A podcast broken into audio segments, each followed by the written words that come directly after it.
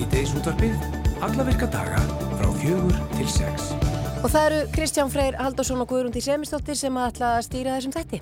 Jú, eh, vinnum gullið er nafn ráðstöfnu sem framfór í dag á Grand Hotel Reykjavík en þar var fjallað um stöðu og réttindi afreiks íþróttafólks. Starfsópur á vegu menta og barnamálaráðunettisins fer með þennan málumflokk og er markmiðið að draga úr allri óvissu en varða framfæslu og ímissi réttindi afreiks íþróttafólks. Ásmundur Einar Daðarsson, hann er menta á barnamálaráðurra og hann ætlar að segja hvernig frá því hvernig við vinnum gullið. Neysluvarslögnin við, eða til Vestmanæja, hún er stór skemmt eftir að tófiðiskipið Hugin var femisti niður akkeri sem að festist í lögnin á förstaskvöld og aðtekki telst alvarlegt þar sem að Vastlögnin er eina flutningsæði Neysluvast til Vestmanæja og við ætlum að heyra í bæjastjórnum hérna eftir henni Írisi Róbastóttur. Sjúkarþjálfurinn Fanni Magnúsdóttir vakti aðdegla á því og í hlaðvarpi á dögunum að vandamál tengdum grindabotninum ætti ekki að vera sama feimnismál og áður. Konur er ekki að þurfa að fela sín öll mál en svo varu hins eins vegar grindabótsvandamál einnig vandamál Karla. Þeir geti einnig strýtt við þvægleika, reysvandamál og alls konar vandamál tengt blöður í háls kirtilnum. Fanni kemur til okkar og ræði við okkur um grindabotnin. Já, Jón Þór Víglundsson, upplýsingafull trúist í Ísavatnafélagsins Landsbergar, hann þarf að vera á línni hjá okkur eftir en Landsberg hefur óska eftir aðstof Björgunarsveita af öllu landinu til þess að leta undir með sveitum á Suðvesturhóttni landsins sem að hafa staðivaktina á Reykjaneskaga vegna jarðhæringana við Grindavík og, og við ræðum þetta við Jón Þór hérna á eftir. Íslenska hátætnið fyrirtækið Carbon Recycling International eða CRI gangsetti á dögunum eina skilvirkustu efnaversmiðu í heimi sem endur nýttir 150.000 tonn af koldvísýringi á ári. Versmiðan er staðsett í Kína og öll framleyslu teknið byggð á íslensku hugviti sem að sannreind var í versmiðu CRI í Svartsengi. Við heyrum frá Ólafi Stefánssoni, verkfræðingi hjá CRI, eða Carbon Recycling, um þetta áhugaverða verkefni. Mikill skortur hefur verið á ADHD-lifinu Elvansi upp á síkastið og það er ekki vona á fleiri skömmtum af lifinu hinga til lands í bráð. Formaður Livjafræðingafélags Íslands sagði í samtæri við morgunblæði í dag að 7000 manns væri á þessu lifi hér á landi og að í mörgum tilvikum væri verið að setja fólk beint á þetta lif í stað þess að prófa önnur lif áður en að hennasögn þá stríðir það algjörlega gegn verklagsreglum sjúkratinga Íslands og það er vegna þess að lifið sé amfetamin afleiða og sé því eins nálat amfetamin og ADHD liv verða. Og hinga til að ræða þessi mál við okkur er Vilhjálmur Hjálmarsson, formar ADHD samtakan og komin. Velkomin. Takk fyrir. Uh, erum við, eigum að byrja á þessu sem að er verið að, já, sem að formaður Livjafræðingafélags Íslands er að segja. Er verið að setja allt og marga beint á Ef ekki bara byrja á þetta líf tala um þegar hún líka þess að tala um þetta því næst sem hún kemst amfetamíni og svo bætur hún við þarna í morgunblæðinu eh, þetta sé eins og setja set, gefa hérna morfínlífið hausverk. Já, já, Þetta bara segja mig það að manneskjan veit ekki alveg hvað að tala um. Ok, farða aðeins yfir þetta með okkur Byrjum aðeins á þessu. Sko um, það er alveg rétt að hérna, það er álvægt að byrja á, á hérna helsta langvirkum uh, meðtil frendaglífi það geta eins og verið ástæði fyrir því að það sé byrjað á þessu lífi. Það er í sjálfsveit að því ef það er vel þekkt.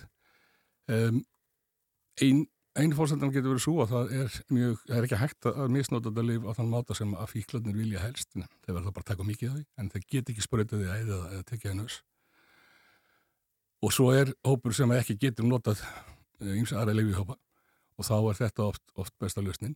Ok, það er kannski eitthvað smá tíska í þessu en, en stóra vandamáli hérna er náttúrulega þessi skortur sem að byrjar uh, í nógabir á síðasta ári í bandaríkjum Já, og það þetta... er það sem er að valda sko, virka efni í þessu lifi lístaksamfetamín uh -huh. það er líka virka efni í einhverjum einsalasta lifinu í bandaríkjum, Adderall og það er bara ofmikil eftir spurningar hafa ekki undan og síðan náttúrulega veist, það, þetta er ekki framleitt bara svona daginn eftir þetta pöntur, þetta er mjög löng pönturafælli og þegar svona kæður býðja að, að svona högta, þá tekur líka bara tíma að koma því aftur í samtlag en það má reykja í bandaríkjum til aukina greininga um og upp á COVID og eins einstaklingar sem höfðu hætti líða meðferð en voru að koma aftur inn.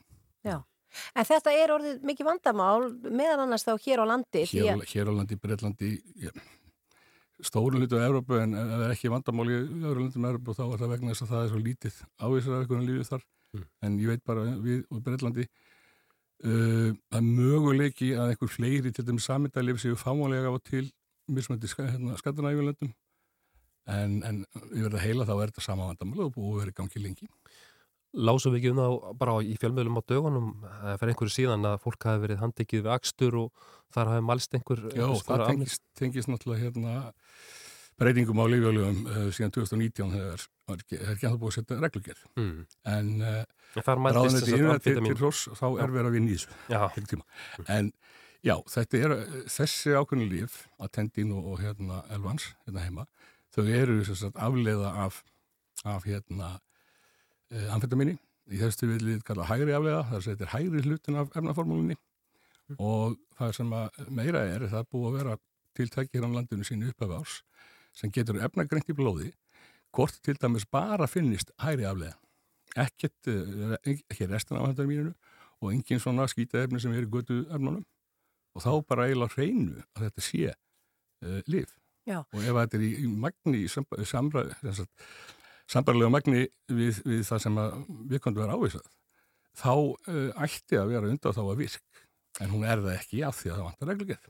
En, en Viljálfur, þú veist, nú er ég búin að heyra sögur af því að þeir sem að nota þetta liv mm -hmm. sé að fara og keira apoteka og milli Já. til að reyna að fá þetta og það er jafnvel, hefur verið, já, flissað upp í opið á einu mannesku sem ég veit sem að sagði að þú ert bjarsinn, þetta er ekki til hér og, og svo framvegis og svo hef ég séð fólk vera að auðlýsa eftir þessu á uh, samfélagsmiðlum. Uh, það lítur að vera það lítur að vera mikið nei það lítur að vera haft samband Alkjörlega. við ykkur. Hvað á fólk að gera sem er með uppáskrifa þetta liv en getur ekki nálgast það? Sko það er náttúrulega erfitt því að þetta er svona stórt bakvandamál sem hefur ekki bara að gera með Ísland.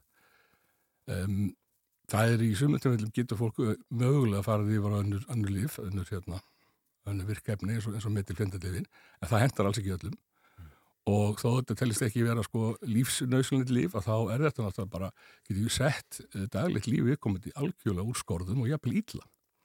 Þannig að það verður að hlusta á þetta. Um, það þarf að laga til hans, það voru gerður undan þá sent í sumar uh, þar sem að til dæmis voru til aðra skamtastæðir og þá gáttu menn fengið til dæmis 230 stæðin fyrir 60 svo að teki fyrir það. Við höfum bara reynilega eftir núna að ná í hérna fórstöðu lífastofnunum og spurja um þetta en það þarf bara að, hérna, að taka til í þessum málum og gera það almennilega bara það að við erum með sko 4.000 manns börn og fullotna á bygglistum eftir greiningu. Það er 1% þjóðurinnar. Sko við þurfum eiginlega bara að, að fá hennilega held ég bara ennbært til landlagnings inn í málið og ganga í þetta og þar með talið með lifastoflun að reyna að finna leiðir til að svona laga það sem hægt að laga en, en í stóru myndinni hvað þetta var lífvarðar elvans þá er þetta bara eitthvað sem við erum í vanda á mörgum öðru þjóðum.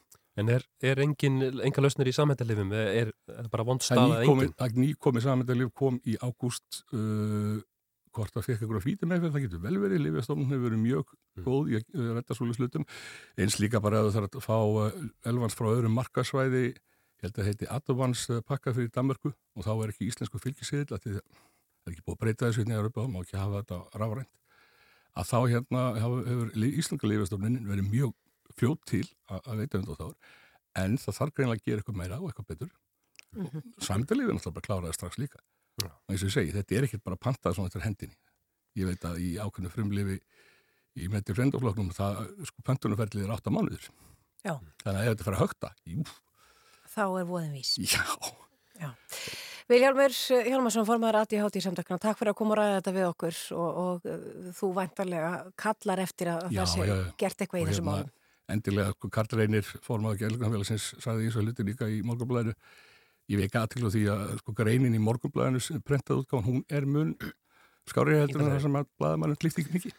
Hann er fyrirsöndin gætum, gætum við verið á ágreina ADHD og þú talar um byggðlista, þannig að það er ekki tilfelli. Hans, hans talar um það í, í hérna prentið útgáðan að við séum ekkert í, í hvað vondu stað í sem ekki geðlagnar viti vel hvað er að gera. En við erum kannski komin að stað sérstaklega í lifi ávísunum þar sem ættum að staldra við og skoða þess betur.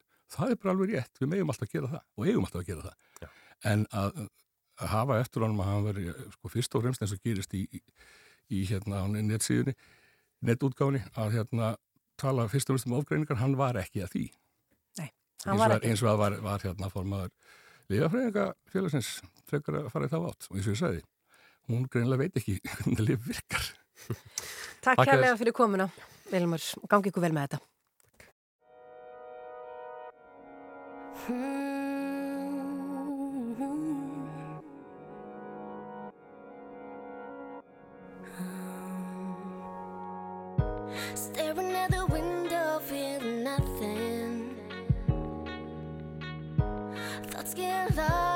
perfect sound.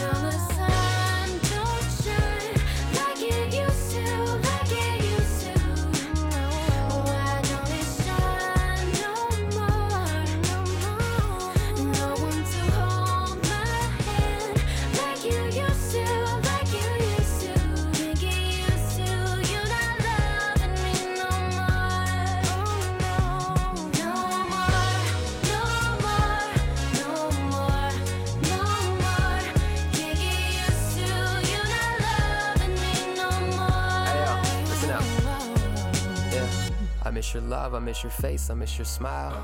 I miss your faults, I miss your place, I miss your style. I miss your lips, I miss your hips, cause that shit wild. I miss the way your phone number ain't come on mine in a while. I'm not saying it to be crazy, it's so Beyonce and Jay Z, cause god damn it, we could make a couple of dope babies if we wanted to, just one or two, and then we could stop. Wait, go. This shit's so regular, and I'm out the door.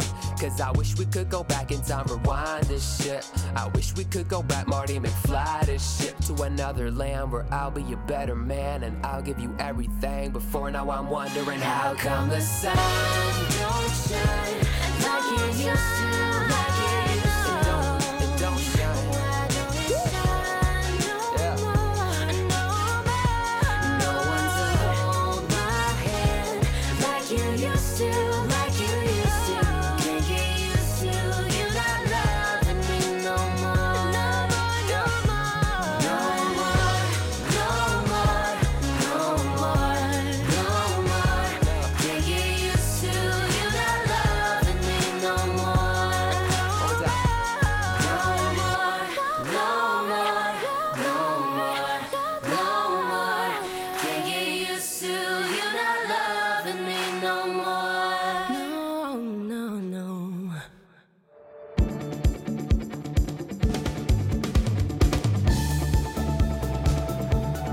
Neyslu var slögnin til Vestmanna er stór skemmt eftir að tókveðskipið Hugin var fe misti niður akkeri sem festist í lögninni á föstaskvöld. Atveki talist mjög alvarlegt þar sem að vasslögnin er eina flutningsæð Neysluvast til Vestmanna. Við heyrim í bæðistrónum Írisi sem er nú bara komin á línuna. Eða hvað Íris, ertu þetta? Já, ég er hér. Eh, til að byrja með kannski, það er kannski ekki öll sem að átta sig á því hvernig hvaðan vestmanningar fá neysluvatnið. Viltu, gætur þú farið með það bara rétt aðeins fyrir okkur hlustundur? Já, við, við, fáum, eins og við segjum, gerna neysluvatn ofan að landi. Við fáum það úr eigafélagi jökli og eh, það er náttúrulega er ekkert, er ekkert vatn í vestmanni þannig að það var mikil bylting þegar eh, 69 kom vatn til eiga í gegnum lögn ofan að landi og við höfum verið að fá vatn þannig allan, allar götu síðan og við höfum verið að benda á undarförun ára að það sé alvarlegt að vera bara með eina leið ef eitthvað kemur upp á. Því við erum mjög háð vatni eins og gefur og skilja. Er þetta fátíðu viðbröð? Hefur þetta gerst áður kannski að, að, að tókveði skip eða eitthvað álíka? Hérna... Ég bara þekki, þekki það ekki en auðvitað hefur stundum verið áhyggjur á lögninu bara út af veðri og ströymum og svo leiðis Mhm. en en ég þekki ekki, ekki þá sögu. Við allavega vitum bara eins og komst inn á að þetta er, mjög, þetta er alvarlegt þegar svona gerist Auðvitað. að það verða skemmtir á einu lögnun okkar og klæningin utan að hún er á 50 metra kapla farin af þannig að hún er að hluta til óvarin þannig að það er ekki, ekki gott. Mm. Og þið eru vantarlega búin að funda út af þessu núna um helgina og, og, og hver er bara staðan á þessu núna? Í hvaða framkvæmdir á að ráðast? Sko staða núna er að það þarf að mynda þetta aðeins betur. Við fengum sá af þessu gær og það sem er, þetta er svona tvíþætt, það þarf náttúrulega að skoða það og undirbúa þá þess að svo bara eiginlega skamtíma viðgerð, þú veist hvað getur við gert núna, hvaða möguleika er hægt að laga núna en svo þarf við þetta bara skiptum en bút í leiðslunni. Það þarf að gera það helst fyrir veturinn. Það er ekki, það er ekki gott að hafa þetta svona óvarið yfir vetratíman. Þannig að þetta er svona eiginlega tvíþætt og það er það sem að Við þurfum að fara yfir hér, það er almannavarnanefndinir að fara að funda aftur og eftir og þegar í hásveitum hafa verið að afla sér upplýsinga í dag, bæði frá framleganda leyslunar og annar aðila sem þurfa að koma að svona því að það þarf að fá skipað utan í svona viðgerð sko. Já, þannig að það er sérst verið að, að undirbúa bráðabyrða viðgerð en, en svo hann þarf kannski samlega því að, að huga að einhvers konar fullnaðar viðgerðið að það er að segja sem að myndi laga þessa, þetta ástand eða Já, við þurfum að láta, já, mjög að við þær upplýsingar sem við fengum í gæra þá þarf þýrt að skipta þennan bút og mm. að því leitinu til í öllu þessu hafaríi eru við heppin að þetta er inn í innsiklingunni hjá okkur að því að við værum ekki að tala um að fara inn einar viðgerðir ef þetta væri fyrir utan að því það er bara hægt að laga það yfir hásumarið. Þannig að þetta er bara alveg, alveg flókið mál en eins og ég segi, ég er að vona að líki meira fyrir í kvöld eða á morgun um hvernig þessu verður háttað en við erum svolítið svona bara að safna upplýsingum og læra en gerum okkur fulla grein fyrir því að þetta ástand getur ekki varað í vetur. Það er álag og lögninni yfir vetratíman og svo leiðist þannig að Einmitt. þetta þarf að laga. En eins og þú sagðir áðan, þeir eru búin að vera benda á þetta áður, það er þessi eina vastlögn sem er eina flutningslegin Ísluvast til Vestmanæja, uh, ætlar ekki að fara með þetta í hart, þurfum við ekki að, að ég fá bara meira öryggi fyrir því að Vestmanæjingar fái alltaf tryggt vatn? Jú og það var, við skrifum undir viljaeyflýsingu í sumar að ríkið ætlaði að koma að, að fjármárráður innveðráður að skrifa undir við sveitafélagið í sumar að koma að almannavarnarsættinum að einhverju leiti og það var svona fyrsta skrefið í að fá þessa nýju vasslögn og svo er stefnan að hér verði lögn, ný, lögn á milli 2025 en bara framlegslu tími á svona lögn er 16 til 18 mánuðir þannig að þetta gerist ekki morgun en þetta bara verður að klárast að því að það var skapast náttúrulega mjög sérstatt ástand hér ef að þessi lögn spila sko. Það er, gefur auga leið. Þannig að þið eru búin að vera að funda uh, almannavarnanemnd bæjarins og, og háis veitur og við kannski bara fylgjum spötu með þessu Íris og takk fyrir að setja bara inn í málinn. Heyrðu bara, takk fyrir að hafa áhuga. Takk, takk. Takk, bless, bless. bless.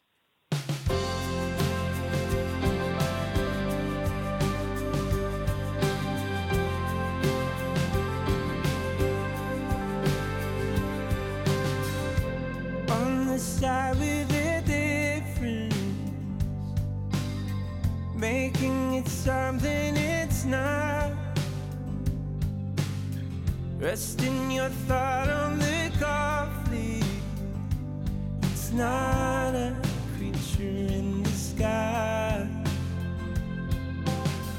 You wanna see where it takes you, cause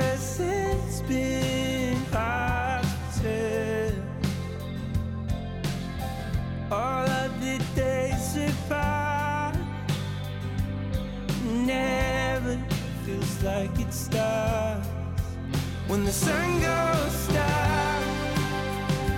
You got all the pictures show what you make, and the stars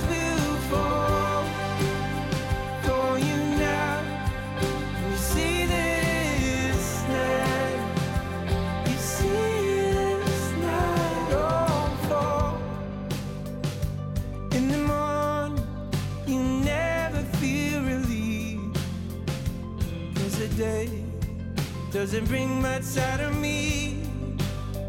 And you can't sleep, even though you've had enough with the car stacking up. Yeah, we're stacking up. When the sun goes down, you got all the pictures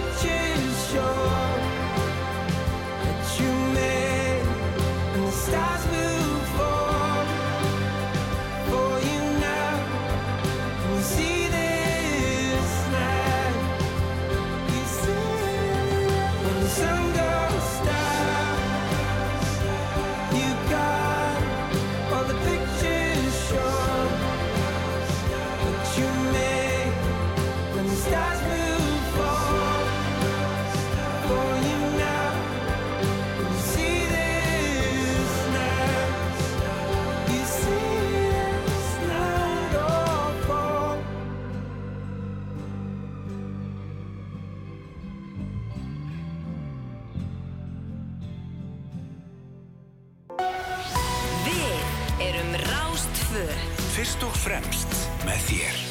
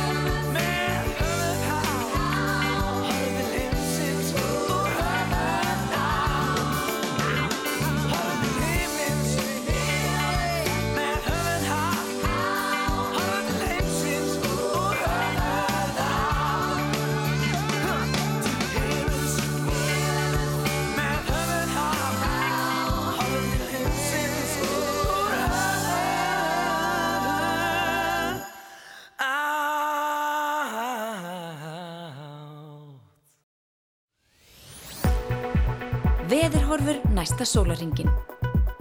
Já, við skulum kíkja aðeins á veðrið. Ég veit ekki hvort ég hef sagt þér frá því, Guðrún Dís, að ég er mjög næmur á veður. Ég hérna, er svona pínum öður, sko. Ég fæ alltaf hérna, allar svona kuldatölur í mig og, og það fíkur í mig þegar það er rók og slíkt. Þessu er það. Finnur þetta á þér? eftir? Já, já. Já, já, Þetta já. er að, að ég er vestan, sko, þá hérna, það er maður svona veðurklökkur. En, en horfum næsta sólarhingin eru, eru þær að, að það er vaksandi sunnanátt, 10 til 80 metrar á sekundu í kvöld, þannig að við því að fjúki í mig líka. Uh, og það er líka úrkoma sunnarlands en bjartviðri á Östaverðarlandinu. Hitið 3 til, 3 til 9 stig og sunnan 15 til 23 metrar sekundi í fyrramálið og rigning en þurft að kalla um landi norðaustnavert. Hitið 6 til 12 stig vestlægari eftir, eftir háti með skúrum eða jæljum og kólnandi veðri en létti svo til aftur á Östurlandi. Já, þetta er, það er svona, það er að bresta á með leiðindaveðri allavega hérna á Suðvesturhóðinu núna. Mhm. Ég held að bæta virkilega í vindi í nótt og, uh, og eftir hátegi á morgu verður bara komið Suðvestan hvassveri. Stormur. Ég nefnilega sá svo fallega myndir hérna frá fólki á samfélagsmiðlum um helgina það sem var svona fjörugrót uh, klætt ísnálum og, og slíku sko þannig að mér finnst það fallegt og, og myndi mig á það að veturinn er sannlega og á að vera komin en hérna svo bara rókarýtning framöndan hjá okkur. Já, en þetta gæti alveg orðið að, eh, Jælja bökkum. já, Já, einmitt. það er bara svolítið þannig Ég ætla þannig ekki að kalla eftir því ef, að, ef þið hérna uppi er að hlusta. Já, og svo þarf fólk að passa sér núna því að þú fer að vera hálka.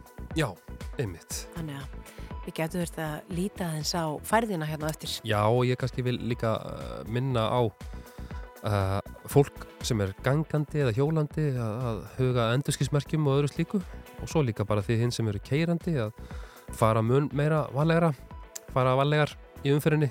Sérstaklega þeir sem eru á svörtum og dökkum bílum. Það er ekki hægt að fá endurskismerkja á þá þannig að þið þurfa að keira miklu hægar. Já, miklu hefur. Það er mjög dimmt úti okkur að núna. Uh, við ætlum að heyra í Unu Tóradóttur hérna, taka eitthvað með henni, svo ætlum við að ringja Jón Þór Víglundsson sem er uppsingafulltrúi í Slísavatnafélagsins landsbergar og ræða við hann um uh, já, liðsögan sem að þeir voru á óskeftir. Já, kall eftir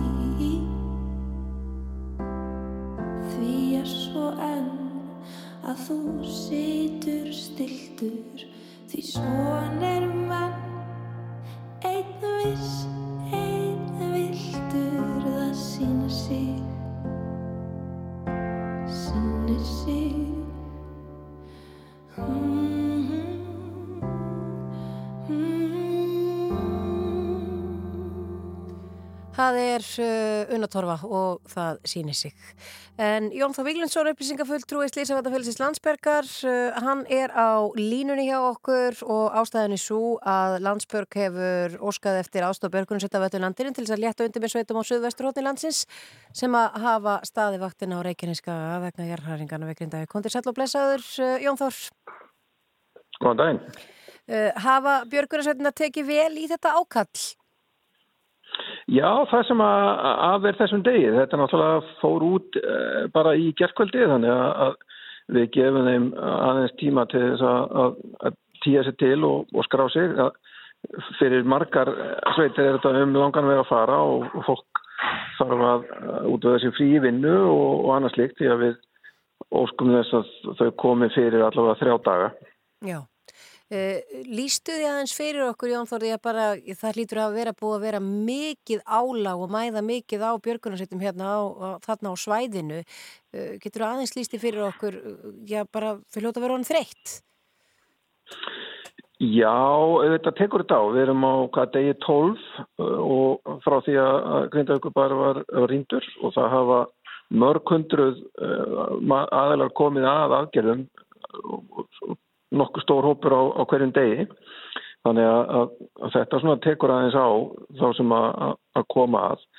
Um, við finnum að það er svona komin kannski pínu þreita og ágætt að leita aðeins út fyrir þetta svæði sem við höfum verið að draga bjargir frá sem er reyndar alveg frá borgarfyrði og svo alveg östur á kirkibæðaklustur en það er komið tími til að fara við og, og, og okkur sínist að það séu ágættis við tökur við því Hvernig eru, Jón Þór, verkefnin? Þau eru vantalega á ímissi starragráðu en það er vantalega að vera að aðstóða fólk við verðmatabjörgun og slíkt og, og, og allt hvaðina. Það er fyrst og fremst verkefnið að aðstóða grindinginga við að, að sækja sína persónulegustu munni. Mm. Það er nummer 1, 2 og 3 í forgangi. Það eru svo ímis önnur verkefni líka sem að þarf að sinna. Uh, Björgunsveitir Þorbjörn í Grindavík hefur verið vakin og sofin yfir bænum sínum þetta er þeirra bær og, og, og þeir hafa líst yfir að, að, að þangað allir, allir greitingingar að fara. Mm. þeir eru, eru svofandi og vaknaði yfir því að passa upp og, og tryggja og vinna verkefnum að það komist hitti á hús og annað aðstofa við það sem að þarf í, í þeim hlutum. Á meðan að aðra sveitir hafa svo vega að koma og fylgja greitingingum inn til þess að aðstofa þau við að, að sækja sína personlegu munni og það sem er þeim hjartnamast Já Þannig að með kannski eh, vonandi vantarinn um liðsöku þá kemur til með að eh, minga álæði á Þorbjörn félagið og, og kannski að auðvelda skipulag svona hana með tíman, dreifa álæðinu. Já, sko, Björgunarsveitin Þorbjörn er alveg í sko sérstökum verkefnum og, og þeir bara vilja vera á, á fullu og, og ég skil það mjög vel en aðra sveitir hafa komið inn og verið í þessum fylgdarverkefnum því að við viljum að þeir íbúa grindavíkur sem fari inn séu með það er ekki tryggt sem að við getum tryggt að allavega viðvaranir um yfirvofandi hættu komist til þeirra strax og, og að þeir séu þó í örgum höndum með að komast út ef á þarf að halda uh -huh. þannig að það er svona það, það fyrsta sko Finnið ekki fyrir miklum velvilja, já þá til dæmis fyrirtækja og fyrirtækja eiganda sem eru þá að gefa björgrunsetta fólki frí til þess að fara og sinna þessu? Jú, við hefum svo sem oft sagt að, að, að vinnuveitundur eru okkar kannski með sterkustu og duldustu stuðninsæðilum og, og það er mjög bersinlega komið ljós núna. Já. Eru, þú, þú sagði það því að þið sendt þetta ákall í gerðkvöldi og einhverja sveitir búinar að, að bóða komu sína uh, eru þeir að koma langt að margar hverjar? Já, það er að koma sveitir, svo Ísafyrið er að koma sveitir úr uh, Aðaldal, frá Dalvík þannig að já, mér sýnist að, að þetta ætla að verða bara mjög gott sýnisotn af öllu landinu sem að, að mun koma og, og aðstofa við verkefni í Dundavík Það er samhefur í verki. En hvað, Jón Þór, hefur tölu á bara þeim, því björgunarsveita fólki sem að hefur verið starfandi núna í hennar tíma? Er þetta fjölmargir? Mm, Já, þetta eru fjölmæki. Ég hef nú svo sem ekki þá tölu nákvæmlega en ég sýnist þetta að vera komið yfir þúsund einstaklingar sem að hafa Já. komið að þessu verkefni á einnið annan þátt í, í einhver tíma þessa daga sem að liðið hafa. Já, bara því standi ykkur vel. Jón Þó Viglinsson, takk fyrir að vera á línni hjá okkur og, og, og hérna gangi ykkur áfram vel. Bestu hvað þér? Takk fyrir það. Síðdeis útvarpið alla virka daga frá fjögur til sex.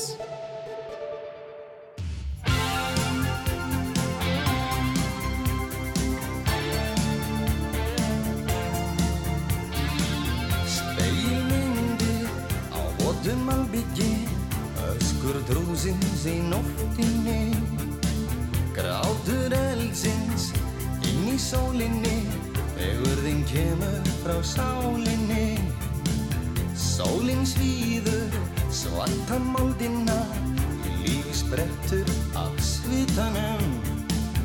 Títanismi knýttum bakum Eitt lítið, eitt lítið Segnast blóm.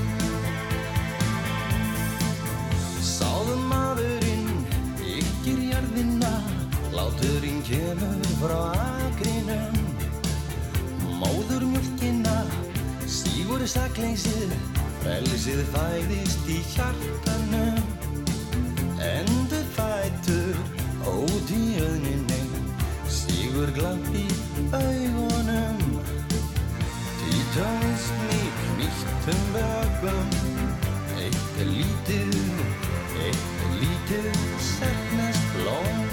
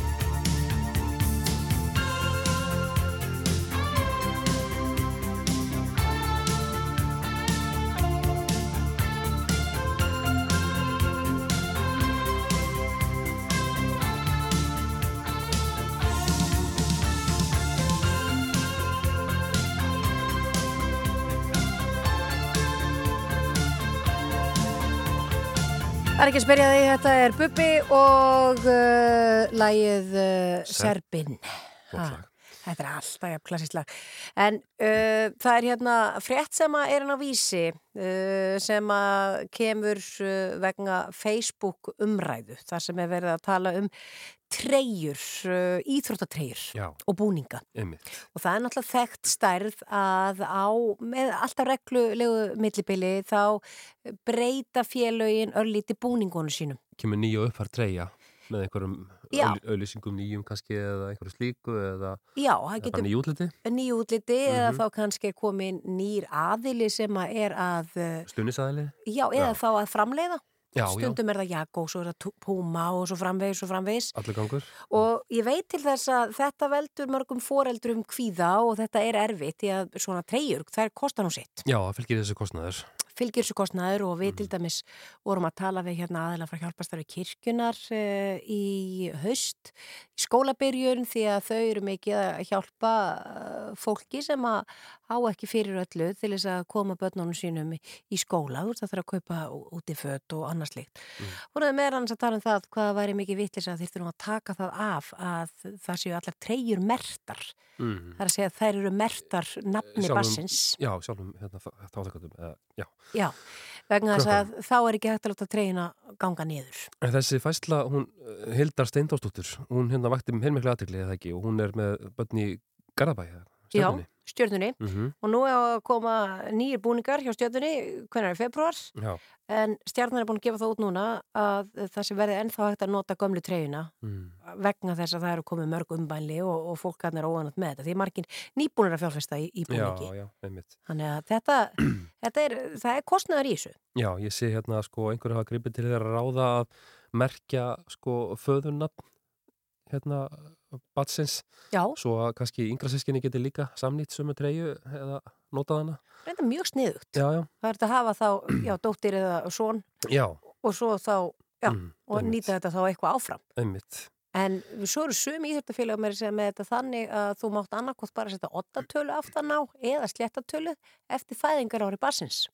Já, Það eru alls konar reglur í þessu. já, hérna. Mismunandi eftir íþjóttafélagum og ég er nú ekkit vissum að íþjóttafélagin séu endilega að gera þetta til þess að uh, láta seljast fleiri treyjur. Þetta er bara svona Nei. kannski í einhverju hugsunarleysi. Mm Uh, og bæði bara upp á frá umhverju sjónarmiðum og öllu þessu, þá væri kannski hægt að endur skoða þetta eitthvað. Þetta er svo kvöld tískusón, geti verið. Já, gæti verið, gæti verið, en allavega þetta eru góða fréttir fyrir þá sem að búa í, í Garðabæ Já. Uh, að það verður hægt að nota gömlu búningana áfram, allavega hérna sangvað þessu. Þeir taka á skarið þegar þau og sína frumkvæði Já, í þessu, stjarnan. Gera það. Mhm. Uh, það fyrir að stýttast í, í fréttir hjá okkur og tilkynningar og svo ætlum við að halda áfram. Við ætlum að tala næst um grindarbotnin, Já, strax á lokkum við fréttum. förum fram og tilbaka í umræðaðum. Grindarbotnin er risa stór. Já, kemur á óvart. Já, það kemur daldi hóvart. Hann er svo stór lói eða, eða eitthvað, eitthvað slíkt. Já, maður er ekkert alltaf að hugsa um grindarbotnin. Nei, voða lítið, ég hef ekki gert það núna í vikunni, þangar til núna. Já, fyrir nú. Mhm. Við skulum lefa Freyriki Dór að fylgja okkur fram að fréttum. Ég elska þegar þú Baða þig í aðtikli Því ég veit að við Munum eigða saman nóttinni En það sem sést í ljósunum Bara hluti af heildinni. Já, ég þekki öll því leyndarmál. Hvíslar þeim að mér undir sænginni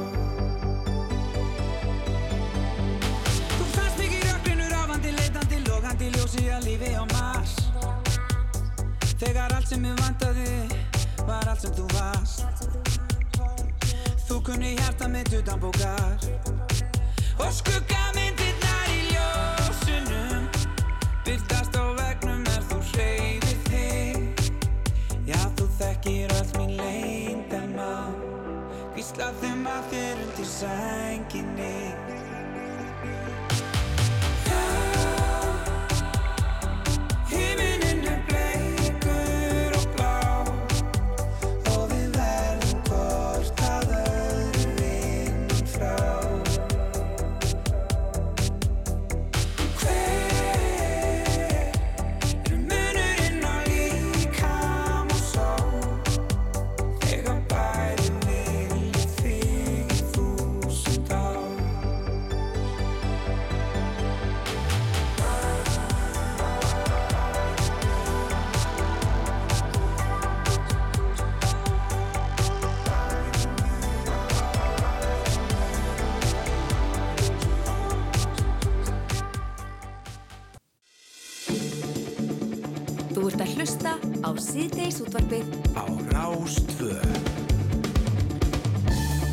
eitt og annað sem við ætlum að taka fyrir á þessum klukkutíma. Við ætlum að tala um uh, íslenska hátækni í Kína og uh, við ætlum að fá ásmynd eina Daðarsson líka til okkar hérna eftir smástund. Já. En við ætlum að byrja á því að beina sjónum okkar að grindabotninum og hinga til okkar er komin hún Fanny Magnúsdóttir, sjúkra þjálfari. Velkomin. Takk fyrir. Já, grindabotnin, þetta er kannski, við erum ekkert alltaf að að pæla mikið í honum en uh, já, ef að hann er ekki í lægi þá getum við verið að, að já, bara díla við alls konar heilsufarsvandamál. Já, það getur hérna, skert lífsgæði svolítið að vera með grindabótsvandamál. Mm. En einmitt, ef við pælum kannski ekki drósa mikið í grindabótnum okkar fyrir en að koma upp vandamál sem er kannski bara eðlilegt að maður sé ekki stöðut af áhyggjur af eitthvað sem er ekki vandamál. Mm. En hérna kannski bara ágætt að hafa það í huga að, að maður getur gert eitthvað í því og bara vita af því í raun. Já, og þú ert sagt, sjúkra þjálfari sem að ég ert búin að sérhafa þig tölvert í þessu. Já. Aðeins, fara við það með okkur. Já, ég bara útskrifaðist 2016 á háskólanum og hérna byrjaði þá að vinna og þá var hérna yfirmaður minn hérna þar sem að dróð mig svolítið inn í kvennhilsuna og fór að, að kenna mér þetta og hérna ég bara búin að vera í þessu síðan bara unnið svolítið við kvennhilsu og grindarbotts vandamál síðan þá Já. og fara alls konar námskeið og, og svona sérhæft mér því. Já, fyrir þá sem ekki vita, hvað er grindabotnin og, og, og hvað er hann stór og, og, og hvað hva, hva gerir hann? Já, ummitt. Það eru margar spurningar, Það er veit margar spurningar, já. En grindabotnin, hann er nefnilega inn í mjadmagrindinni. Þannig að hann er svona ólíkur mörgum öðrum vöðvum sem við erum að þjálfa að við sjáum ekki í speiklinum þegar við erum að þjálfa hann. Og, og hann er botnin á mjadmagrindinni. Mjadmagrindin er svona eins og ringur og hérna, og svo er það svona gólfið grindabotnin. Og grindabotnsvöðunir eru svo með óp sem að hérna, e, hleypa þá þvagrasunni, laugungum og endaþarmi í gegn. Mm. Og grindabotnin hefur mörg mismunandi hlutverk í raun. Hann er hlut á stóðkerfinu, heldur hérna stiður við bakið og svona þegar maður reyfa okkur og ganga og, og meðmagrindina. Um, hann stiður við mjadmyndnar okkar, hann hjálpar okkur að halda þvægi og hægðum en svo hjálpar hann okkur líka að tæma. Já, þannig að hann er, þetta, þannig að þess vegna er svo mikilvægt að þjálfa þessa grindaboss vöðva. Mm -hmm. Þetta er ekki erfiðar æfingar sem að það er kannski erfitt að lýsa því útarpi. Nei. En, Nei, það eru mjög Varla. einfaldan nefnilega. einmitt. En hérna, hvað með okkur karlmennina? Við þurfum líka að huga þessu. Ég hérna, las nú bara í fjölumennum það sem var, vakti máls á þessu og talaði einmitt um að þetta væri nú alltaf mikið feimnismál, oft á tíðum. En við þurfum líka, við strákanir, að, að huga þessu, að æfa upp grindabótt. Já, það er bara þannig að kallmenn eru með nákvæmlega sömu grindabótsvöðva. Mm Um, það er hérna aðeins minna opið á vöðvunum þar sem þeir eru ekki með leggöng. Mm. En annars er þetta sömu vöðvunir og geta verið með hérna vandamál, rísvandamál, þvæguleika, þvægteppa og í tegnslu blöðruhálskirtils vandamál. Einmitt. En er þetta alltaf þannig að þú þarft að, hvað verður til þess að þú ferð að fá einhver vandamál vegna þú ert með slakan grindabót? Er það út af basfæðingum eða er það út og lendir í slísi? Getur þetta verið bara alls konar? Já, bara alls konar og hann þarf ekki einu svona að vera bara slakur sko. að hérna, bara eins og með aðra beinagrindavöðva að við getum verið með stífa vöðva og þeir geta verið slappir og þeir geta verið með hægt viðbragð og, og hérna, til að flækja það eins meira að þá er þetta ekki bara þessi veikir. Já, þannig að þetta er bara eftir því hvernig við erum uppbyggð. Já, bara hvernig við virkum og hvernig við hérna, til dæmis bara að út af því að við lögum í samfélagi með rosalega mikil streitu og það er mikil kersla og, og hérna, streitan fer oft beint í, í grindabotnin og við náum kannski ekki að slaka á honum. Mm. Þá getum við fara að þróa með okkur eitthvað spennuvandamál. Hvað myndur þú segja að væri einna mikilvægast að við ættum að huga að? Það er hérna virki vel að við getum spennt grindabotninu upp að við náum að virkja hann og spenna hann og loka fyrir öllu opinn okkar og haldi í okkur en svo viljum við líka geta slaka á hann því það er alveg mikið vandamál að vera með hérna, of mikla spennu og, og kunni ekki að slaka eins og að hann sé of slappur Já. En þú uh, fann þeir sem sjúkarþjálfi, þú einblýnir á, á hvern helsuna Já. og þið var bent á, á, bent á það að, að, hvað, að hérna, kennara þínum eða Já. það er ekki margir sem eru þarna megin eða hvað í sjúkarþjálfun. Sko við erum hérna, okkur fer fjölgandi Mhm. og hérna við vorum ekki svo margar hérna fyrir nokkrum árum þegar ég var að byrja en svo núna hægt og rólega þá höfum við verið svona að þjálfa upp og, og menta fleiri og, og hérna og svo kannski bara svona með samfélagsmiðlum hefur verið opnað svolítið á umræðuna Já. um mikilvægi. Já, akkurat. Og þetta sé ekkit feimnismál og þetta sé ekkit eitthvað bara afmarkaður hópu sem að þurfi að pæla í grindabotnunum heldur allir. Já. Þannig að þú hvetur okkur kalla og konur að, að, að hérna, virkilega fara í grindabósæfingar þegar við getum muna það. og huga að þessu. Já. Fanny Magnúsdóttir, sjúkarþáli, takk kærlega fyrir að koma til okkar og, og ræða við okkur um þetta. Takk fyrir mig. Takk.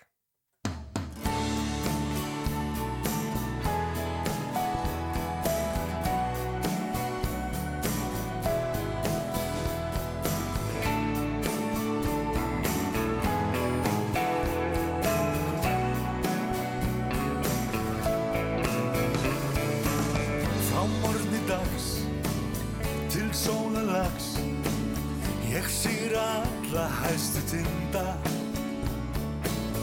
Um mókun lönd að eisturönd Brýst gegnum móku sjó og vinda.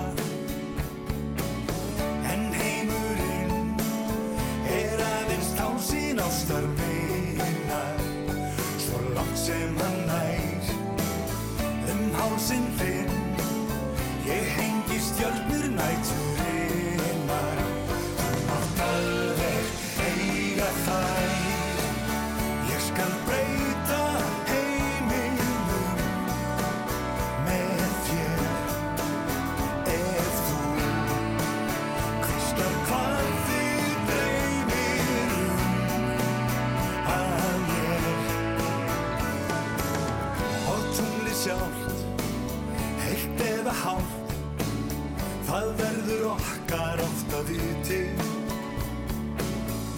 Gríp regnbogan og mála hann. En þú mátt velja nýja liti. Brátt sólinn sest Þar sem hún er vön að venda. Nefn að þú segir til Því þú veist best Hvaða heimsmynd er að tvenna Eða svona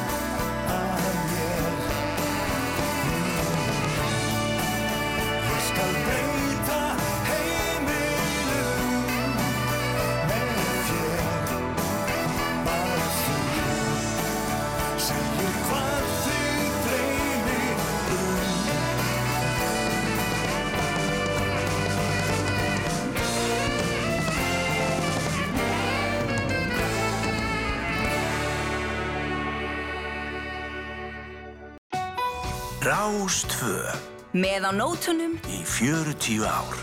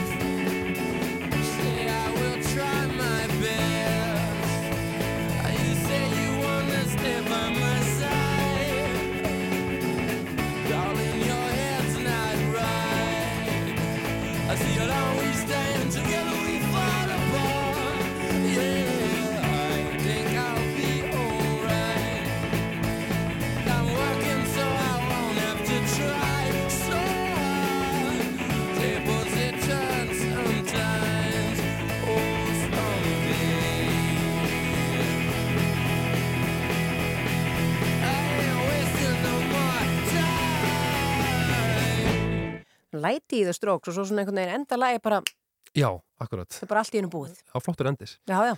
En uh, vinnum gullið er rástættum sem að framfór í dag á Grand Hotel í Reykjavík en þar var fjallað um stöðu og réttindi afreiks íþrótt og fólks starfsópur á vegu menta og barnamálaráðunitisins fer með hennar máluflokk og það er markmiðið að draga úr allir í óvissu hver var þar framfæslu, framfæslu ásækið og ímis réttindi afreiks íþrótt og fólksins. Ásmundur Einar Daðarsson er enga komin. Viltu segja ykkur aðeins bara svona óttum bara um, um þessar ástætnu? Vinnum Já. gullið. Já, þetta var reyndar uh, bara gaman frá því að segja að það var svo mikil að við þurftum að flytja henni í hörpu á síðustu stundu þannig að hérna, það var ótrúlega góð uh, mæting. Já. Sko, þetta er svona, þetta, þetta er hluti af vinnu sem hefur verið í gangi. Við erum með uh, áallanum það, við viljum standa betur við bakið á afreiks íþróttafólkin okkar og, og uh, alveg frá því að uh, einstaklingarnir byrja í íþróttum og líka bara í gegnum, gegnum ferilin.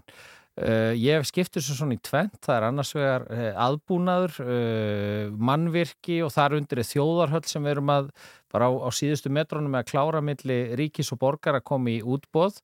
Hins vegar er það svona umgjörðin í kringum afreiks íþrótta fólkið okkar. Og við fengum Véstein Hafsteinsson uh, í samstarfi við Íþrótta og Olimpíusamband Íslands, hann er núna afreiksstjóri í ISI og er að taka þessi málsson í gegn fyrir ISI og samlega því fengum við hann til þess að leiða vinnu sem miðar að því að skapa uh, umgjörðin af hálfu ríkisins þegar, og sveitafélag þegar kemur á þessu. Og við vorum einfallega í dag að kynna svona fyrstu fyrstu hugmyndir af því hvernig þetta geti litið út og í rauninni taka samtali við íþróttarhefingun um það hvort við værum á réttri leið og, og uh, það var gríðarlega uh, bara fróðlegt og, og skemmtilegur dagur og fjöldi fólk sem kom að því. Mm Hvað eru, hvað eigum við mikið afræksýrta fólki og, og munum við eiga meira af afræksýrta fólki ef þetta næri gegn og allt er tryggt í kringum það? Ég sko Viesteinn sem er nú hérna búin að þjálfa víða og ná góðum árangri í að eh, landa gullmedaljum fyrir önnur lönd hefur orðað þetta svoleiðis að, að það er engin munur á Íslendingum eða dönum eða normönnum eða svíjum þegar kemur að svona genatísku upplægi heldur er þetta bara allt spurning og ef eitthvað er þá erum við kannski frekar svona við erum svo all-in alltaf Íslendingar að, að þá er eitthvað er kannski grunnurinn betri það sem að eh, er hins vegar er að við höfum ekki og ég segi það bara sem ráðherra íþróttamála, við höfum ekki verið að standa við bakið og afreiks íþróttafólkin okkar með nægilega miklu afli og, og þess vegna er þessi ríkistjórn hefur sett á oddinu við ætlum að ná betur utanum það og það á við um svo margt sko. þannig að, þannig að hérna uh, þannig að uh, við reiknum með því að, að einhverjum árun liðnum getur þetta að fara að skila árangri en, en, en það kom fram á ráðstöfnin í dag að, að þetta er svona tíu ára verkefni. Ef við spýtum inn núna þá fer það að skila árangri eftir tíu ár. Þannig að við eigum að geta átt fleira fólk þegar kemur að uh, einstaklis íþróttagreinu þar sem við höfum verið að dala með önnurlönd á undanförnum árum. Uh, við eigum tækifæri hópi íþróttunum líka en þá þurfum við að standa miklu betur við bakið á afreiks íþróttafólkin okkar. Já, það kannski, það er alltaf að fjölga okkar afreiksýrita fólk en uh, það kannski vantar að, að, að hérna, taka utanum umgjörðina og bæta kannski skipulæð og er, er kannski vest einn, einn liður í því að læra af öðrum hvernig aðra þjóðu gerir þetta eða Já, það er það og skapa okkar eigin umgjörð að því hvernig við styðjum við afreiksýþrótta fólk og þar þurfum við að taka fjölmarga þætt inn í eins og ég sagði áðan. Þess að Það kom fram til dæmis á afreiksýþrótta fólkin í dag að áhyggjurnar þeirra eru oft á tíðum ekki íþróttalegs eðlis meðan þau eru á æfingum og öðru slíku. Uh, heldur er það andlegi þátturinn, uh, fjárhastlegi þátturinn, uh, tryggingarlegs eðlis, sjúkratryggingar, hvað gerist ef að afreiksýþróttakona ákveður eignar spann eða foreldrar þá er hvernig tökum við utanum mm. íþróttamannin þá og það eru þessi atriði sem að skipta gríðarlega miklu máli síðan svo ég tali nú ekki um uh, að því við erum í útvarp allra landsmanna hvernig nálgumst við efnilegt ungt fólk uh, sem til að mynda býr út á landi þegar kemur afreiksýþróttum uh, hvaða tækifæri, hvaða kostnaður fylgir því, hvernig ætlum að jafna þann kostnað, það er að segja að allir hafi tækifæri til þess að þroska og þróa sig í sinni íþrótt og ákveða að velja þetta. Og það hefur verið svolítið sem að hefur verið að fókusur á í þessari vinnu. Hvað er það sem veldur því að ungt fólk á aldrinu kannski 15 til 20 ákveður að halda áfram í þá braut að verða íþróttamæður og fylgja því eftir? Og það Það eru allir þessi þætti sem ég nefndi á. Samspil við skólakerfið var mikið rætt um samspil framhaldsskóla og háskóla við íþróttir. Hvernig getur haldið áfram í námi en, en verið að stunda afreiksíþróttir. Þannig að þessi atriði öll voru við að speikla í dag og er síðan markmið að taka núna áfram næstu uh, 1-2 mánuði og ljúka þessari vinnu í janúarmánuði og þá hef ég að kostnaðarmat á aðgerðunum og til hvað langs tíma við sjáum þar innleðast og hvernig tökum við samtali við sveitafélaginu. Það kom líka fram þarna að, að til að myndi í Noregi að þá eru þetta samstarfsverkefni ríkis og sveitarfélaga hvernig við höldum utan um afreiksýþróttamennina og þess vegna var landsamband sveitafélaga með okkur í þessari vinnu í dag og hefur verið sko. Já, hún kom til okkar á dögunum Ingeborg Ísaksen sem er nú flokksisti þín og var að tala um það einmitt hvernig mætti bæta aðstöðum barna út á landi sem er í hópi íþróttum og bara í íþróttum yfir höfum og var að tala um að mætti kannski e, útvíka loftbrúna eitthvað frekar, hvernig e, líst þér á það og er, er það að ná því eitthvað áfram? Já, ég, sko það er í rauninni uh, hluti af þessari vinnu er að, að uh, við þurfum að taka betur utanum, ekki bara afreiksýþróttir, heldur, heldur alla þá sem eru að stunda íþróttir uh, víða út á landi.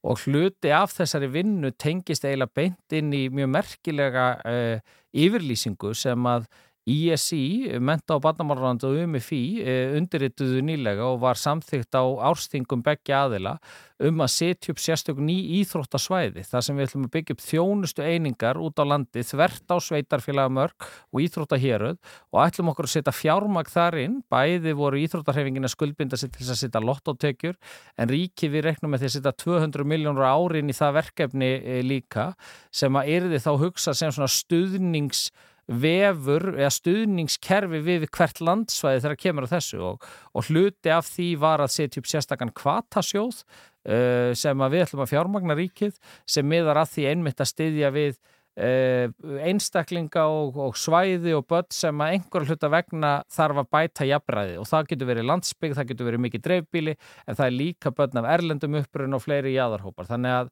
þannig að já, við erum að gera á fyrir að stíga fastar inn þarna. Þó að ráðstefnan hafi kannski ekki miðast engunga landsbyðinni þá er það ein áskorun sem að er. Og það er eiginlega ef þú ímyndar þér einstakling sem er efnilegur í einhver íþróttagrein og býr á eigilstöðum uh, foreldrarnir eru kannski uh, ekki hátökjufólk eða láttökjufólk uh, og við komum þetta einstaklingur á erlendum uppruna með, með erlenda tungumál og menningabakrun og ekki ömmu afa í Reykjavík eða frængu og frænda þá er eiginlega ómögulegt fyrir þennan einstakling að taka þátt í landslistarfi nema við styðjum betur við viðkomandi á yngri, yngri árum sko.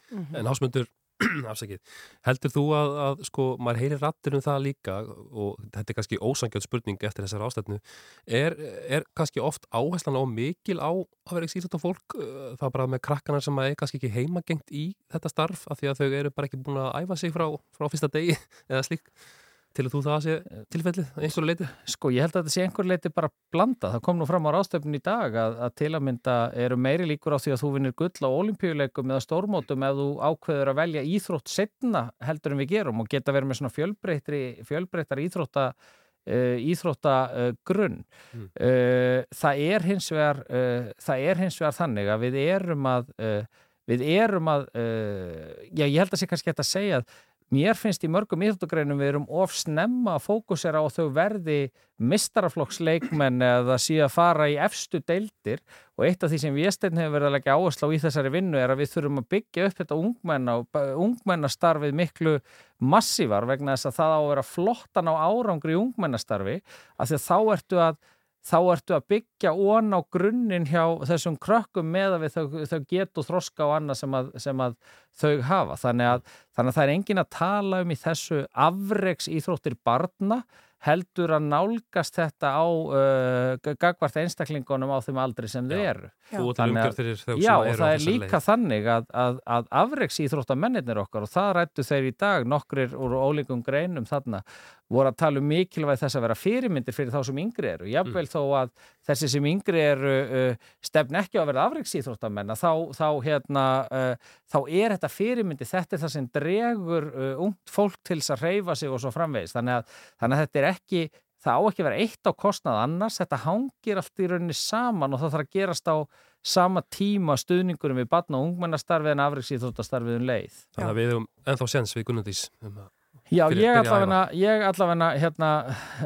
uppljóstraði því á ráðstöfnin í dag að þegar ég að hlusta á Véstein og hann var svo sannfærandi að þá dreymti mig nóttin eftir að ég var að vinna gull og olimpíuleikum þannig að, þannig að það er hérna, þannig að við hefum eins og séns þannig að endilega drífið ykkur að fara að æfa það, Allt stuðlar þetta bættri og betri líðhelsu landans og og betri heilsu. Ég held að þetta sé bara allt saman hitt besta mál. Ásmundur Einardadarsson, barna og mentamannar á þeirra, takk fyrir komuna og við segjum bara, já, gullið heim. Áfram Ísland. Áfram Ísland. Takk. You think I'm the one for you, and maybe you're right. Maybe you're right. But there comes a time when we have to choose.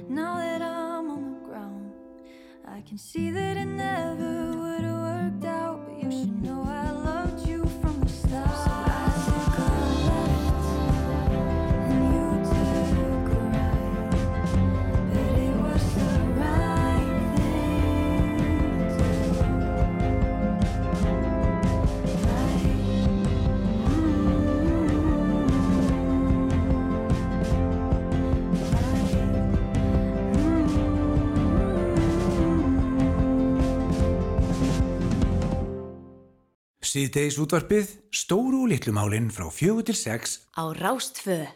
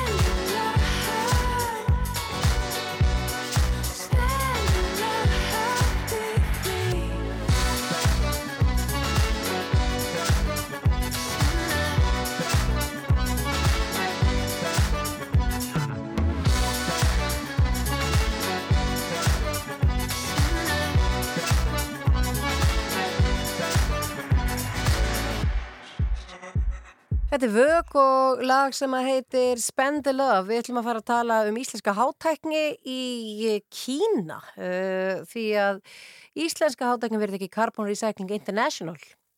Ég vona að ég sé að fara með þetta allt saman rétt. Gangsett á dögunum eina skilvirkustu efnaversmiði heimi sem að endur nýtir 150 tonna koltísýringi á ári og uh, eins og ég sagði þá er hún stærst í Kína og það er Ísland hugvitt þarna á bakveit allt saman og hann er komininga til okkar hann Ólafur Stefansson, verfræðingur hjá CRE. Velkomin.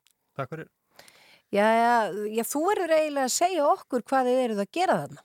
Já, uh, það sem við erum að gera hjá CRE er að við erum að reyna að uh, leysa vandamáli með ómikið koldusýning uh, eh, og það sem við gerum er að við tökum koldusýning sem fellur til uh, í framleiðslu eða losna náttúrulega til dæmis eins og hérna á Íslandi út af öllum jarðvarmanum og við tökum hennar kóltusýning og við blöndum honum saman við vettni sem eru, sem eru önnur gastegund og það sem kemur út úr þessu er metanól. Og þið eru með hvað vesmiðju í svartsengi. Var það svona einhver, er það svona í rauninni hugmyndin eða upphafið og svo farið þið þá með þetta til Kína? Já, það sem versmiðan okkar í Svartsengi var að gera var svona, svona uh, tilrauna starfsemi til þess að sína fram á uh, tæknina, að þetta væri möguleiki, þetta væri allt sem er hægt og þetta virkaði og að þetta virkaði líka á stærri skala, mm. yðnaða skala. Þetta hefur verið sínt fram á sé til, til uh, hægt í, í rannsóknumstofum Mm. en við vorum fyrst til þess að sína fram á þetta virkaði á þessum svona skala sem yðnaðurinn tekur marka.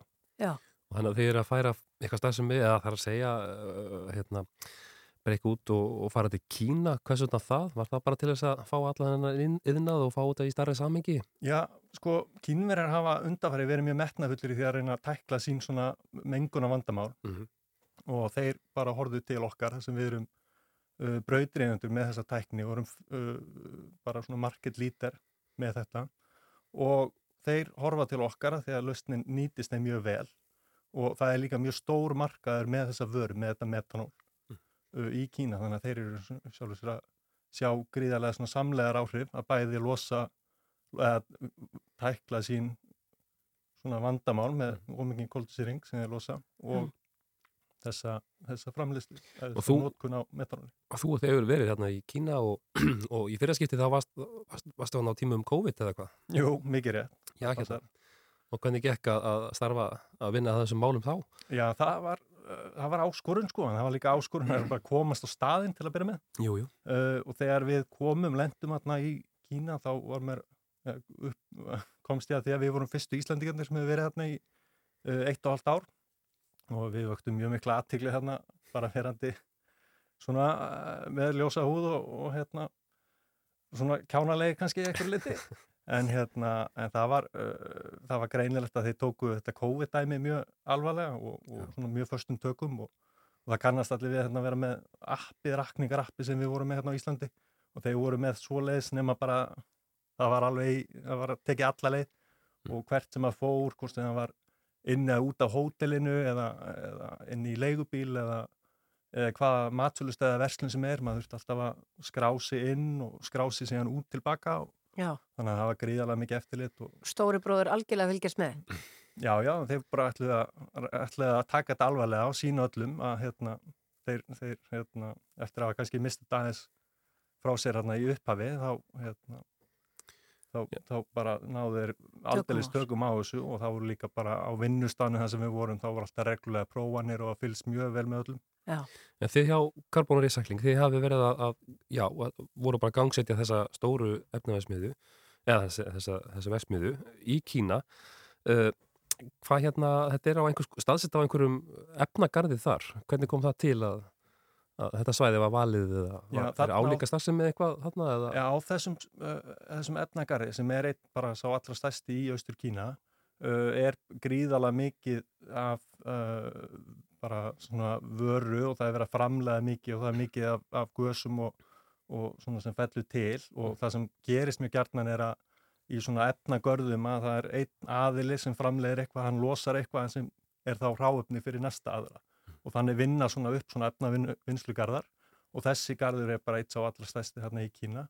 Og þeir, uh, þessi aðili, þessi kunni hjá okkur höfðu sá mörg, mikil tækifæri í því að fá okkar tæknilöst inn á svæðið til þess að geta bara aukið framleyslu getur hjá sér og, og dreigið úr losuna kóltísinni í leðinni. Já, nú er Kína stórt land, uh, sjáu þið fram á að, að vera með, f- jafnvel, setja upp fleiri svona versmiður þannig? Uh, vissulega og það er mikil eftirspurn eftir þessari lausn og mikil áhugi sem uh, bæði kínverjar og, og kínversk fyrirtæki og ásam bara aðalum út um allan heim, Evrópu og í Norður Ameríku líka Já. sem, hafa sínt á þessari tækni og eins og ég sagði það er mikið, mikið framleitt af metanóli í, í Kína, mikið nota þannig að þetta er alveg upplagt tækifæri En þetta er ekki bara að hafa sko, áhrif við að draga úr losun gróðurhúsa lóttu þetta, heldur, er þetta líka kannski einhvers konar kemur á, á ringrásara hagkerunni líka, mandalega? Já, vissulega. Mhm. uh, við hérna erum náttúrulega í þessu ferðlega sem við gerum er að við tökum koldvísýningu og erum raunverulega endur nýta. Uh, við erum til dæmis að það sem við gerum er að uh, við búum til vöru, við erum ekki að taka koldvísýningunum fargunum. En það sem gerist er það að það sem við getum búið til með okkar vöru eða okkar tæknilaust er þetta metanól sem væri ella búið til með uh, jarðarna elsniti og með því að taka þann uh, þá framleyslu út úr myndinni þá erum við að stuðla því að koldvísýningunum verði endur nýttur áfram. Mm. Það er vissulega í, ef eldsneti nota sem uh, eða metanóli nota sem eldsneti að þá, að þá losnar koldvísýningunum síðan á ný. Já, en aðeins að því að þið hafi verið með vesmiðu í svartsengi og svartsengi búið að vera mikið til sigasti. Hver, hver er staðan þar núna í Sko- þeirri vesmiðu? Sko, okkar uh, fyrstu viðbröð voru bara að tryggja alltaf örgi starfsfólks og viðbröðsæðal á svæðinu. Þannig að eins og staðan er núna þá er engin starfsemi, það er engin mannskapur til staðar. Uh, við hefum vissilega fundi fyrir jarðskjáltum og en það hefur ekki verið, uh, það er ekki hægt að meta neitt hvort það hefur orðið eitthvað verulegt tjón hérna á svæðinu eða ekki. Mhm. Uh, en okkar, sko, eins og segir, versmiðan er, uh, hefur mikið svona, hvað segja, það eru söguleg verðmæti í versmiðinni og þetta er svona okkar flagskip, mikil eftirspurn eftir að fá að koma og heimsækja. En, en eins og staðin er núna þá bara höldum við okkur fjarrir og það er í sjálf sér, okkar hugur er alltaf bara hjá fá íbúum á svæðinu, frekar en þessum, þessum eignum sem eru til staðar. Já. En það verður spennandi að fylgjast áfram með þessu Carbon Recycling International sem að, já, ætla allavega að leggja undir ykkur Kína og svo er bara spurning hvort þetta verði heimsifir átt líka. 150.000 tonn af koldvísýringi Já. ári. Það er, það er, það er daldið. Ólafur Stefansson, verkfræðingur hjá CRI, takk kærlega fyrir komuna í síðdeis og segja okkur aðeins frá þessu. Kæra takk. If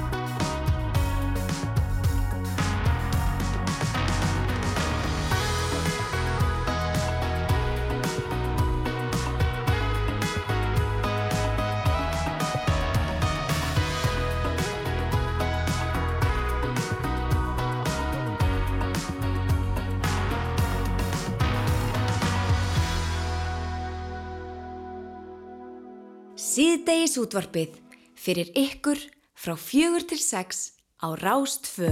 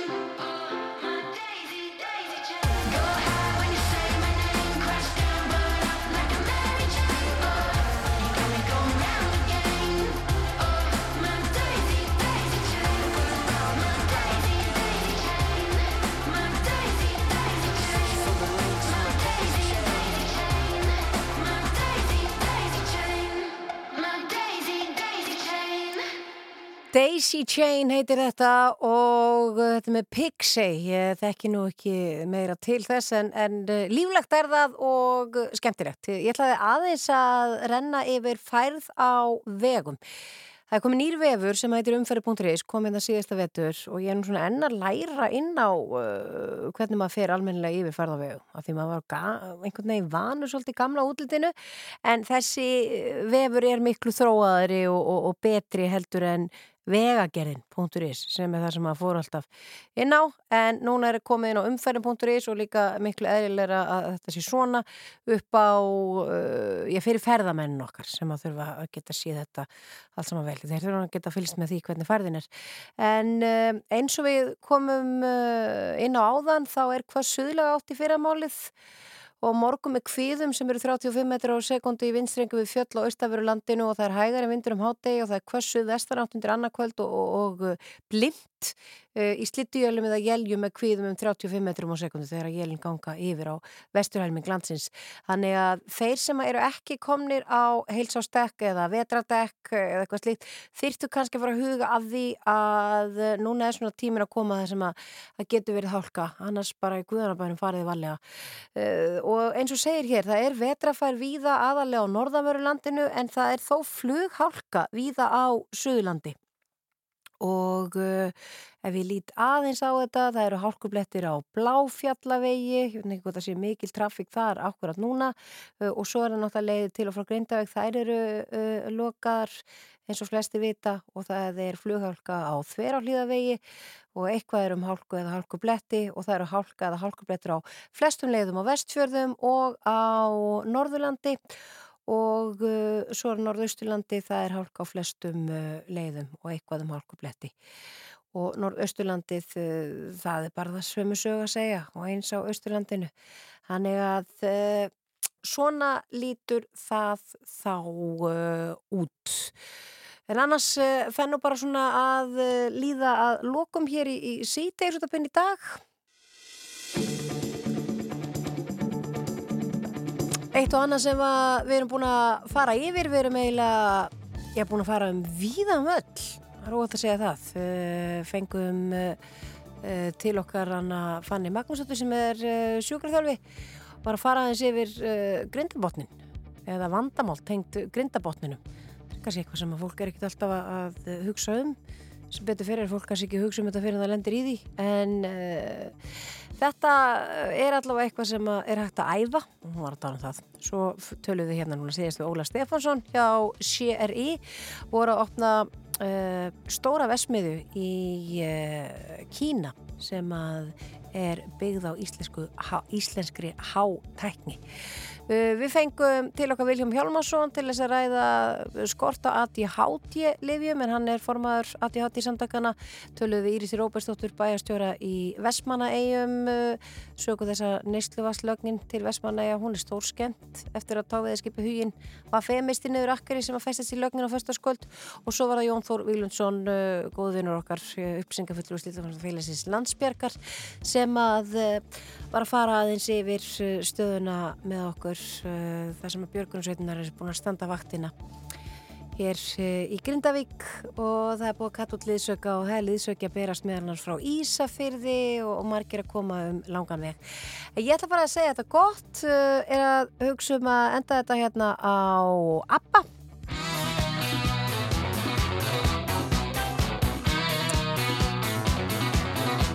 Þetta er eitt af þessum frábæru lögum með ABBA, heitir Vúli Vú